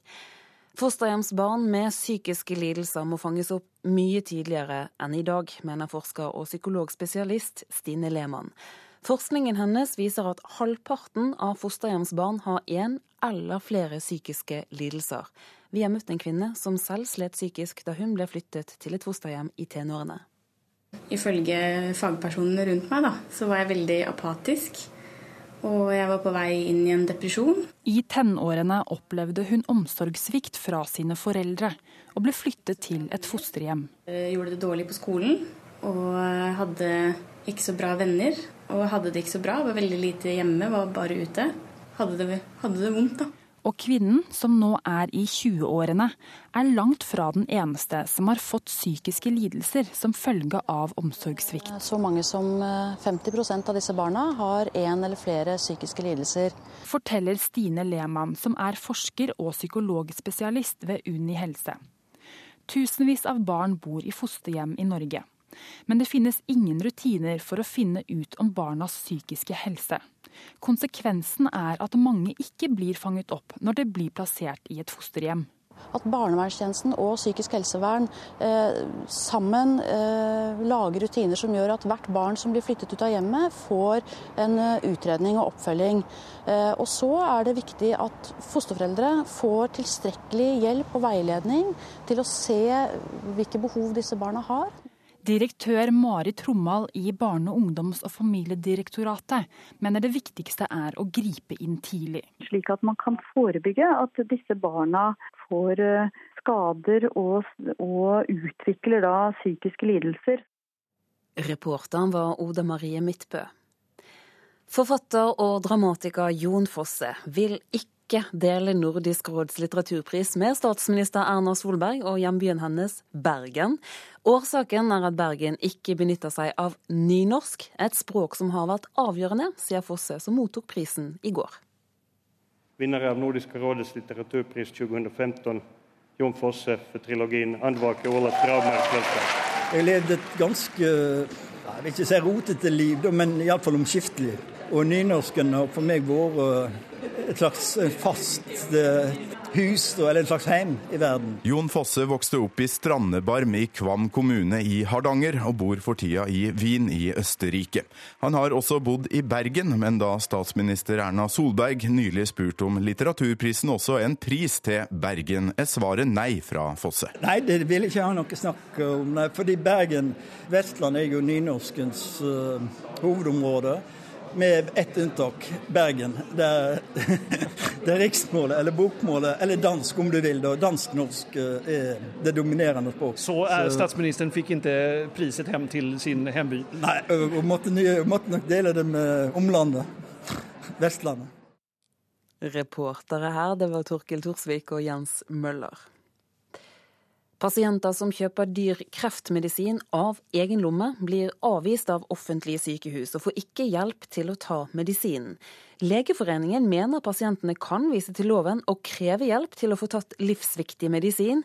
Kreftsyke Monica Kjåland betaler selv 1,8 millioner kroner for en medisin det offentlige ikke tilbyr. Når hun skal ta medisinen, nå må hun skrives ut av sykehuset og gå til en privat helseklinikk. Jeg hadde ikke noe alternativ. Var det bare å sitte og vente på at det skulle vokse seg stort nok. Firebarnsmoren Monica snakker om kreftcellene som sakte, men sikkert ødelegger kroppen hennes. Den medisinen som best kan hjelpe henne, immunterapimedisinen Optivo, er lovlig i Norge, men den er så dyr at det offentlige ikke vil betale for den. Medisinen har jo med livskvaliteten å gjøre. Hvor mye er et liv verdt? Monica får heller ikke hjelp på sykehuset til å ta medisinen. Hver 14. dag må hun derfor skrives ut fra det offentlige sykehuset i Stavanger og kjøre til en privat klinikk for å få satt medisin intravenøst. Men kreftlegene i Legeforeningen reagerer på praksisen og har tatt den opp med sine jurister. Da sier juristene i Legeforeningen at dette er sannsynligvis en feil tolkning, og at sykehusene ikke har lov til å nekte pasienter å få medisin som de har betalt selv. Sier Stein Sundstrøm, leder for Onkologisk forening. Han anslår at hvert år kan rundt 2000 pasienter med lunge-, nyre- eller føflekkreft havne i samme situasjon som Monica. At de vil trenge dyrere medisiner enn det det offentlige betaler for. Og En del pasienter vil da kjøpe det selv, og må da få satt det på private sykehus, først og fremst Aleris i Oslo. Helseminister Bent Høie sier de offentlige sykehusene kan håndtere medisiner de ikke selv tilbyr, men at de ikke må. Sånn som regelverket er i dag, så vil det være den enkelte lege og det enkelte sykehus som avgjør det. Legeforeningen viser til pasientrettighetsloven og sier at sykehusene har plikt til å hjelpe pasienter som kjøper sin egen kreftmedisin. Hva synes du om det synspunktet? Ja, der tar de nok eh, og går litt eh, lengre enn det som eh, er vårt utgangspunkt og forståelse av eh, loven. Reportere her Cecilie Berntsen Jåsund, Gunhild Sætre og Fredrik Lauritzen. For litt over en halvtime siden la Statoil frem resultater for tredje kvartal. Og selskapet faller kraftig. Økonomimedarbeider Sindre Heierdal, hvor ille er det? Ja, Hvis vi ser på det man pleier å følge med på justert driftsresultat, så er det nesten en halvering fra samme tid i fjor. Det er også dårligere enn det var forventet. Eh, Statoil er veldig preget av at oljeprisen har falt rett i gulvet. Og de klarer da ikke å, å levere et overskudd etter skatt engang, eh, som også er verre enn ventet. Dette er Norges største selskap. Hva betyr det for Olje-Norge at det går såpass dårlig nå? Det er jo veldig dårlig nytt. eh, Og nå skal Statoil kutte investeringene sine for resten av året med 1 milliard dollar, altså over 8 milliarder kroner. Eh, Eneste trøsten er at det går verst i utlandet, særlig da i Nord-Amerika. Sånn at alt dette blir ikke kuttet i Norge og langs norskekysten. Men det er mange norske underleverandører nå som nok er ekstra nervøse når de ser hvordan den virkelig store oljekjempen i Norge må kutte enda mer i investeringene sine. Hvor tøft kan det bli fremover? Det, det kan bli eh, veldig tøft, og vi ser jo det at eh, ledigheten tikker oppover, og eh, det blir stadig nye oppsigelser i oljebransjen. Og disse resultatene som kom i dag, bedrer ikke på det. Sindre Heierdal, takk skal du ha. I Sverige blir adressene til asylmottak nå gjort hemmelige. Årsaken er alle brannene som har vært ved svenske mottak den siste tiden. Det skriver avisen Dagens Nyheter. Politiet mener flere av brannene er påsatt. De utelukker ikke hatkriminalitet, og i natt begynte det å brenne enda en gang i en bygning som skulle gjøres om til et asylmottak. Pengene som Telemark fylkeskommune har betalt til PR-byrået First House, kommer opprinnelig fra staten. De regionale utviklingsmidlene de skal bl.a. gå til næringsutvikling og kultur. Men i går fortalte NRK at pengene også har gått til å refundere energidrikk og softis med strø til First House. De siste årene er det utbetalt nesten 3,8 milliarder kroner i regionale utviklingsmidler, og statssekretær i Kommunaldepartementet, Jarda Jensen fra Høyre, sier at det er uklart hva man har oppnådd. Om det har vært direkte misbruk, det tør jeg ikke å svare på. Såkalte regionale utviklingsmidler bevilges av staten og deles ut av fylkeskommunen og Innovasjon Norge til en rekke gode formål som friluft, næringsutvikling og kultur. Telemark fylkeskommune alene fikk 47 millioner kroner til utvikling i 2015. To millioner av dem brukes på First House.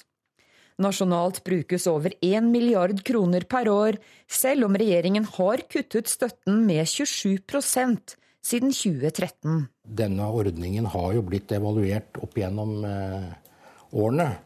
Og resultatene har vel kanskje ikke vært i henhold til innsatsen fra departementet. Å skape flere arbeidsplasser har vært fokus for Telemark fylkeskommunes bruk av midlene. Det er viktige midler for å knytte tette bånd mellom næringslivet og det regionale utviklingsaktøren. Sier Evi-Anni Evensen, fylkesrådmannen i Telemark, som særlig er fornøyd med Invest in Telemark, som styres av First House. Og vi lærer mye av prosjektet, og, og måten vi går inn i dette på, eh, syns jeg er kjempeinteressant. I Kommunal- og moderniseringsdepartementet finnes flere rapporter som sår tvil om utviklingsmidlene brukes på en god nok måte. Vi stiller stadig vekk kritiske spørsmål. Ja, vi hørte til slutt statssekretær i Kommunaldepartementet, Jarda Jensen fra Høyre. Og reportere her, det var Line Tomter og Veronica Westrin. Og du kan lese mer om denne saken på NRKs nettside nrk.no.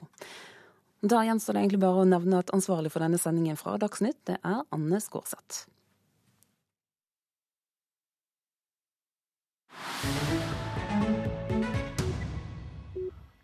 Klokka er 7.40 nå, og i Nyhetsmorgen skal vi til USA, for der er de nemlig flinke til å sette heltene sine på sokkel. De har til og med opprettet forskjellige æresgallerier, der de største populærkulturelle stjernene blir udødeliggjort. Og vår egen reporter Joar Hoel Larsen har besøkt Rock and Roll Hall of Fame i Cleveland i Ohio, der publikum er svært fornøyd med det de får se. It's awesome. Awesome. I have first. Publikums dom er entydig. Rock'n'Roll Hall of Fame er ganske så utrolig.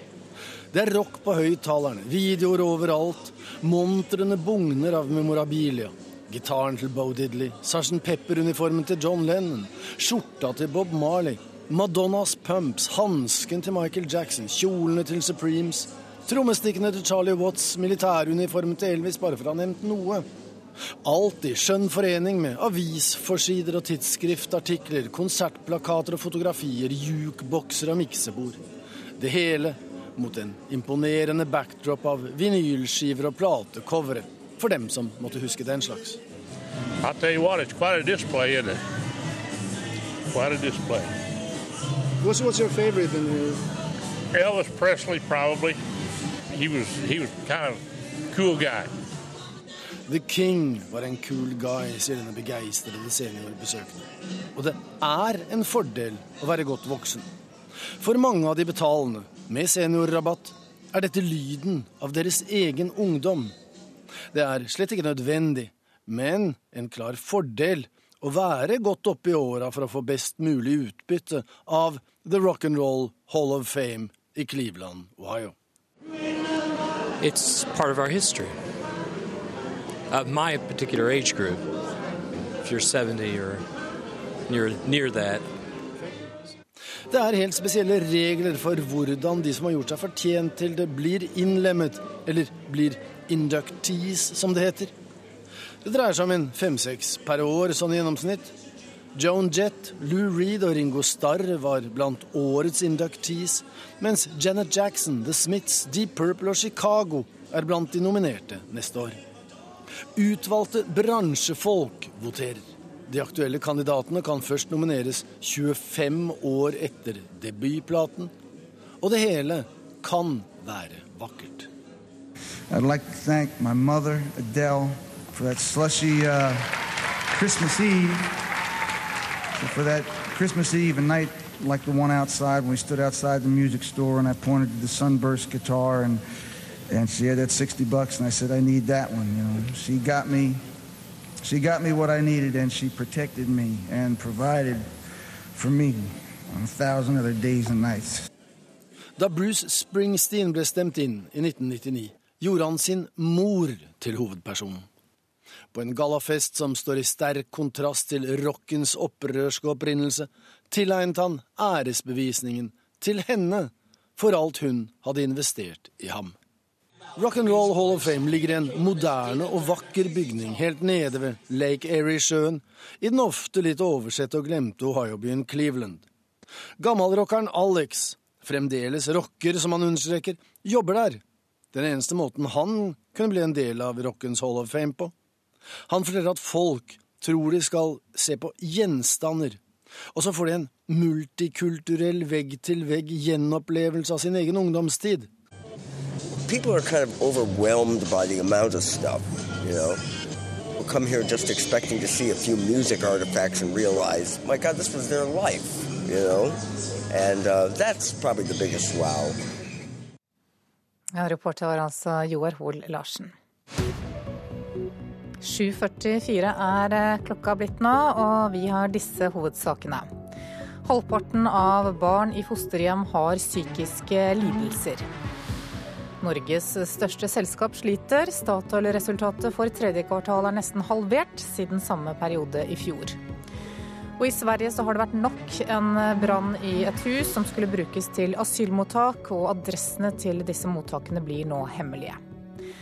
Klokka nærmer seg 7.45 og Politisk kvarter, og programleder i dag det er Håvard Grønli.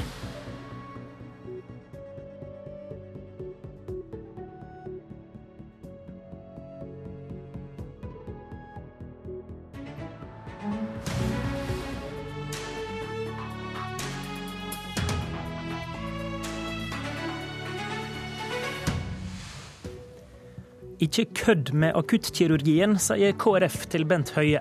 Det er grunn til å advare helseministeren, sier Arbeiderpartiet. Får helseministeren problem med å samle flertall bak sin nye sykehusplan, eller er de politiske motstanderne bare tøffe i kjeften? Og er det rett å kreve at offentlige sykehus skal hjelpe kreftpasienter med å ta medisin som det offentlige ikke betaler? Det blir et helsepolitisk kvarter i dag. I studio sitter helseminister Bent Høie. Olaug Bollestad fra KrF og Torgeir Micaelsen fra Ap. Velkommen alle tre.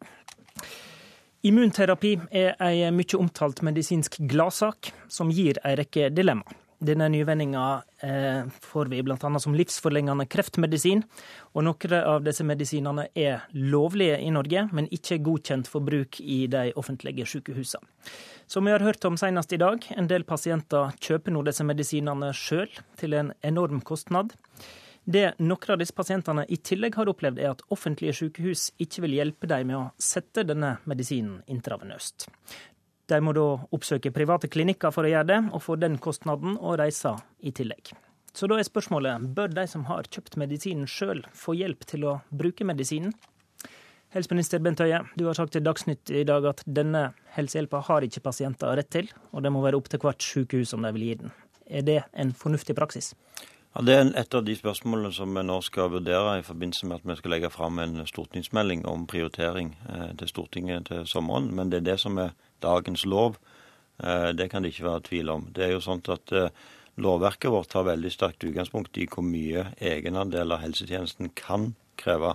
Men det regulerer i veldig liten grad hvor mye pasienten kan få lov til å betale i tillegg hvis pasienten ønsker det.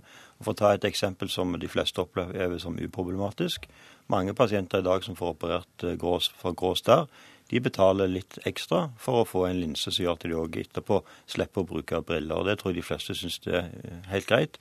Når vi kommer over til livsforlengende behandling eh, og beveger oss over mot eksperimentell behandling osv., så, videre, så tror jeg de fleste forstår at da begynner det å bli et vanskeligere tema. og Sånn fordi det. kostnadene er store? Fordi kostnadene er store, og fordi det er sånn at det alltid sykehus og den behandlende lege som er ansvarlig for den behandlingen som gir. Og jeg mener det vil nok eh, fort føre galt av sted hvis vi gjør det til en rettighet for pasienten å kreve hvilken type behandling sykehuset skal tilby. Men vil ikke din eh, tilstand kunne gi ulik praksis ulike steder i landet? Ja, Det er jo sånn at det vil være ulikt eh, fra sted til sted. Dette handler jo òg om, eh, om, sykehusets muligheter. Eh, muligheten for å prioritere. Det er jo ikke selv om pasienten betaler for denne type behandling sjøl, så vil det jo òg allikevel kreve ressurser fra, fra sykehuset. Da er det fornuftig at det er sånn som det er i dag, at det er lokalt en avgjør dette. Men så kan det godt tenkes at vi bør ha tydeligere nasjonale føringer for det, men det vil jeg gjerne drøfte med Stortinget bredt, sånn at en ser alle sidene av det før en trekker en konklusjon. Men jeg er veldig enig i det som du sa innledningsvis.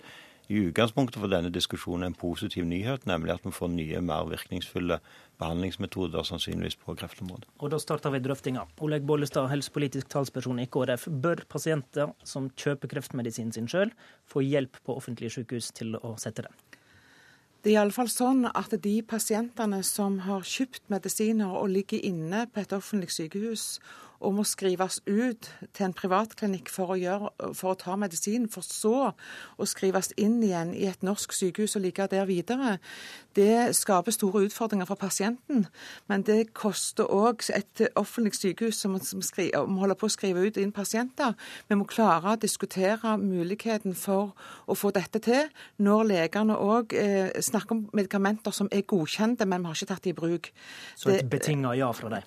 Ja, ikke sånn betinga, men jeg ser at vi må se på de mulighetene. For jeg mener faktisk at den som betaler prisen, er ofte de pasientene som eh, eh er sykest og ligger inne, og som har selv nå betalt medisinen, men ønsker eh, å få lov til å tatt den i sykehus. Og det er personell i sykehus som òg sier at det kan vi være med på. Og da mener jeg at vi må kunne se på løsninger. og jeg sier ikke det er lett, men jeg mener vi må kunne se på løsninger. Torgeir Micaelsen eh, i helsekomiteen for Arbeiderpartiet. Du er skeptisk til å åpne denne døra mer, etter det jeg forstår? Jeg vil si at er, mitt utgangspunkt er betinget nei. Da. Um, og, gru, og, Grunnen til det er at uh, Høie har rett i at uh, under overflaten mange steder i helsetjenesten allerede i dag er det jo et innslag av hvor du som privatperson kan betale deg litt bedre behandling. Uh, alt fra mer banale ting til vaksiner, ulike prevensjonsmetoder som ikke er godkjent av det offentlige, men som du kan ta med deg til din fastlege og få ja, satt inn eller måtte utført. Spørsmålet er om det prinsippet eller den pragmatiske holdningen aggregert opp til et nivå hvor vi snakker om behandlingsmetoder og medisiner som er helt uholdbare rent økonomisk for de fleste av oss. Mm. Og jeg er urolig for at uh, vi kan få en utvikling som vi har sett i andre land. Altså Hvis du trenger ikke gå lenger enn til England, hvor pasienter selv kan betale for å bo på enerom på et sykehus, uh, der du kan betale ekstra for at det er overlegen som opererer deg, kontra en mer uerfaren lege. Eh, og Jeg ser ikke den helt prinsipielle forskjellen når du først åpner døra på så dyre medisiner vi her snakker om. Men jeg er opptatt av at dette er egentlig en stor revolusjon for norsk helsetjeneste, for pasientene. Og vi må jo nå gjøre alt vi kan for at disse medisinene kan tas i bruk, slik at også alle, helt uavhengig av lommeboka, kan eh, ja, få tilgang på medisinene. Bollestad.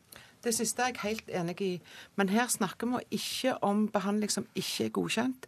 Behandlingen er godkjent, men den ikke er tatt i bruk fordi en faktisk eh, ikke er enige om pris. Og, det, og pasienten velger å kjøpe det sjøl. Det syns jeg er et annet utgangspunkt enn ikke godkjent medisin. Høye. Ja, eh, det er helt selvfølgelig sånn at eh, det ikke ville være aktuelt for eh, norske sykehus å bistå pasienter ta en behandling som de mente var helt uforsvarlig. Så det tror jeg det er helt enighet om. Men allikevel så, så er det verdt å lytte til det som Torgeir Micaelsen sier om sosial ulikhet. For det er klart at når det er snakk om så store penger at for de fleste av oss vil det si at vi må selge eller låne, pantsette hus og hjem, og at det offentlige skal bidra til det, det, det stiller oss i en helt annen situasjon. Jeg tror det er fornuftig at vi tenker gjennom alle konsekvensene av det før en, eh, før en går på en konklusjon selv. Om jeg forstår at for den enkelte pasient som ønsker dette veldig sterke i dag og har muligheten til det, oppleves som, som, eh, som, problematisk å måtte gå ut av sykehuset for å gjøre det. Men dette tror jeg det er lurt nå at sykehusene bestemmer, og så får vi diskutere det. Vi holder fram med samme panel, men skifter tema. En operasjon i døgnet er så lite at det går utover kvaliteten, sa helseminister Bent Høie i Lørdagsrevyen i helga, da han fortalte om en rapport han har fått utarbeidet om de 14 minste lokalsykehusene. Rapporten viser også at det i gjennomsnitt går ti dager mellom hver gang en pasient blir lagt inn og operert på natta. KrF og Ap reagerer da kraftig på din, din, eh, de faktaframstilling, skal vi høre, Bent Høie. Men eh, først, det at det bare er én akuttkirurgisk operasjon i døgnet ved de små sykehusene, hvorfor gir det et kvalitetsproblem? Ja, det er ikke sånn at det, og det sa jeg jo også på Dagsrevyen, det er ikke sånn at dette umiddelbart fører til et kvalitetsproblem. Men over tid eh, så vil det skape utfordringer med å opprettholde eh, kvaliteten på tilbudet, rett og slett fordi det fører en utfordring når det gjelder rekruttering. Denne rapporten, eh, som omfatter de 14 mindre sykehusene, omhandler jo både akuttkirurgisk aktivitet, men den omhandler jo òg eh, en beskrivelse av rekruttering eh, til disse sykehusene. Mener du det over tid blir utrygt, da? over tid så, så, vil det være vanskelig å få de som utdanner seg til å bli kirurger i dag, til å eh, ville jobbe eh, på sykehus og stå i vakt, akuttkirurgisk vakt, eh, når en får så lav, har så lav aktivitet. Eh, og noe, Det går det an å kompensere for, og det må en gjøre noen steder der avstanden til neste sykehus er så stort. Men, det som jo Men blir det utrygt, lurer jeg på? Eh, altså det som, Spørsmålet om tilbudet er utrygt eller ei i Norge, det har vi veldig tydelige definisjoner av. og Det er òg den lokale sykehusledelsen som har ansvar for å vurdere. Eh, og Det vil føre helt galt av sted hvis vi som politikere går inn og definerer om et tilbud er forsvarlig eller ei. Det er det den lokale ledelsen ved sykehuset gjør. Og hvis et tilbud ikke er forsvarlig, så skal det stenges. Torgeir Micaelsen, dette skjer i prosessen, eller den debatten går i prosessen fram mot at Høie skal legge fram sin sykehusplan. Og du vil advare han før han legger fram den. Hva er det du vil advare mot? Så alle som kjenner Arbeiderpartiet vet jo at eh, vi har, og er fortsatt villige til å gjøre endringer i Sykehus-Norge. Vi har bl.a. Eh, sentralisert eh, kreftkirurgi. Vi har gjort endringer i hvordan vi legger opp fødselsomsorgen i Norge. Og vi må fortsatt belage oss for at vi kan endre funksjoner mellom sykehus. Men da synes jeg at det er viktig at disse diskusjonene baserer seg på et faglig grunnlag, der man kan si at dette faglig sett holder mål. Og nå, har vi, brukt, og nå har vi brukt ganske mange måneder på å ettergå både de rapportene som Høie peker på, eh, påstandene han selv kommer med. Jeg har selv vært i møte med Kunnskapssenteret for helsetjenesten, som er det fremste faglige miljøet på forskning og akademia rundt disse tjenestene. Jeg har eh, studert rapporten fra Helsedirektoratet. Jeg har snakket med de som Høie snakker om, altså kirurgene selv, Legeforeningen, andre profesjonsorganisasjoner. og Jeg føler meg ikke overbevist om at eh, det er godtgjort at kvaliteten som Høie snakker om på eh, disse tjenestene, avhenger av hvor mange eh, inngrep du gjør i løpet av et år. Og når Poenget er at mange av de sykehusene vi uansett snakker om, er i en avstand fra neste sykehus som er så lang at vi uansett ikke kommer til å foreslå noen av oss at dette skal legges ned. Da bør Høie nå tenke seg om, fordi jeg har registrert at Bollestad er jo ganske frisk i kommentaren i Nasjonen i dag, men har vært det også gjennom hele valgkampen sammen med sin partileder Hareide. Jeg har også registrert at Venstre har sterke innvendinger. Da må Høie tenke seg om før han kommer med planen sin til Stortinget. Hva er det faglig dekning for, og hva er det politisk støtte for? Vi skal bidra til et eh, politisk eh, kompromiss om dette, hvis det er mulig men ikke basert på de kriteriene som så langt har vært oppe. Bollestad fra KrF på framsida av Nasjonen i dag sier du da ikke kødd med akuttkirurgien. Med slike uparlamentariske uttrykk fra KrF er det vel alvor. Hva er det du mener? Eh, jeg mener at da, når en bruker én operasjon, akuttoperasjon i døgnet som et parameter, eh, så er det andre parameter som er betydningsfulle for å beholde akuttkirurgien. Hvis en på dagtid har, da har så snevre eller så lite utfordrende operasjoner for å beholde lokalsykehuset, så enkle operasjoner, fordi en har ikke akuttberedskap i ettermiddag og kveld, så blir det i alle fall, i alle fall en selvforsterkende sak at det blir lite utfordrende for kirurger å være der. Så KrF tenker motsatt. Vi tenker at akuttkirurgi betyr noe for fagmiljøet, betyr noe for beredskap og trygghet i distriktene, og det betyr noe for resten av fagmiljøet på sykehuset. Det betyr at skal vi bevare et lokalsykehus, kunne gjøre gode tjenester der, så må dette ligge i bånn. Og så har jeg bare lyst til å si en ting til. Det er at eh, å flytte alt til store sykehus, som per i dag eh, vi vet er sprengt når det kommer mange traumer og mange akutte ting inn, eh, som går på bekostning av det som er plaglagte operasjoner. Da tenker jeg vi må tenke litt annerledes. Høie, hvorfor er du så opptatt av operasjonsvolum? Det som jeg er opptatt av, det er jo å bevare en ryggrad av lokalsykehus og mindre sykehus i hele landet, og eh, de, noen av de minste sykehusene våre. Eh, fordi jeg er helt enig med det som Ole sa her avslutningsvis. Vi har jo ikke i dag mulig... Her er det mange pasienter som får hjelp. Eh, og det kommer til å være flere pasienter som kommer til å få hjelp på de mindre sykehusene våre i årene framover. Rett og slett fordi at alderssammensetningen i Distrikts-Norge kommer til å endre seg. Det blir betydelig flere eldre. De vil ha mer behov for sykehushjelp. Men hvis du fjerner akuttkirurgien, ja, da kan ikke det føre til lengre køer Nei, på de store? Nei, det er ikke det som er tilfellet. fordi når vi ser på de som blir lagt inn da, akutt i døgnet på de mindre sykehusene, så er det elleve pasienter.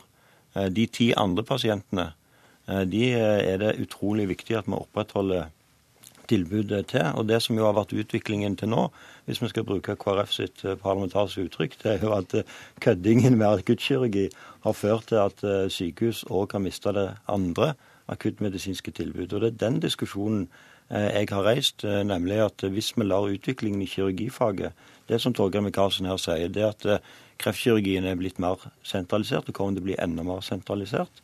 Eh, det er jo nettopp det som gjør at de kirurgene som Olaug snakker om på dagtid, ikke har de eh, utfordrende oppgavene som de en gang hadde. Og heldigvis for oss som pasienter for det. Mm. Fordi vi ønsker jo, vi kan jo ikke komme i en situasjon der vi er villige til å gå på akkorden på kvaliteten Poeng, Poenget mitt bare, Bent Høie, er at du har nå brukt snart et år på å prøve å overbevise både fagmiljøene, akademia, andre politikere om at dette er helt presserende. Det har du ikke klart. Eh, og du har etter mitt syn også heller ikke støtte i forskningen for å måtte påstå at dette må skje akkurat nå. Og da vil jeg tenke, gi din beskjed akkurat nå, det er at du tenker deg om før du nå legger fram forslag som finner forslag som vi kunne funnet brede flertall for i Stortinget. Kort avslutningsreplikk til Bollestad. Jeg tenker vi må tenke omvendt og la kirurgene i distriktet faktisk kunne være med i en rulleringsordning med store sykehus for å opprettholde kompetansen. Da sikrer vi beredskapen ute, og vi sikrer de store sykehusene. Takk til alle tre. Politisk kvarter var ved Håvard Grønli.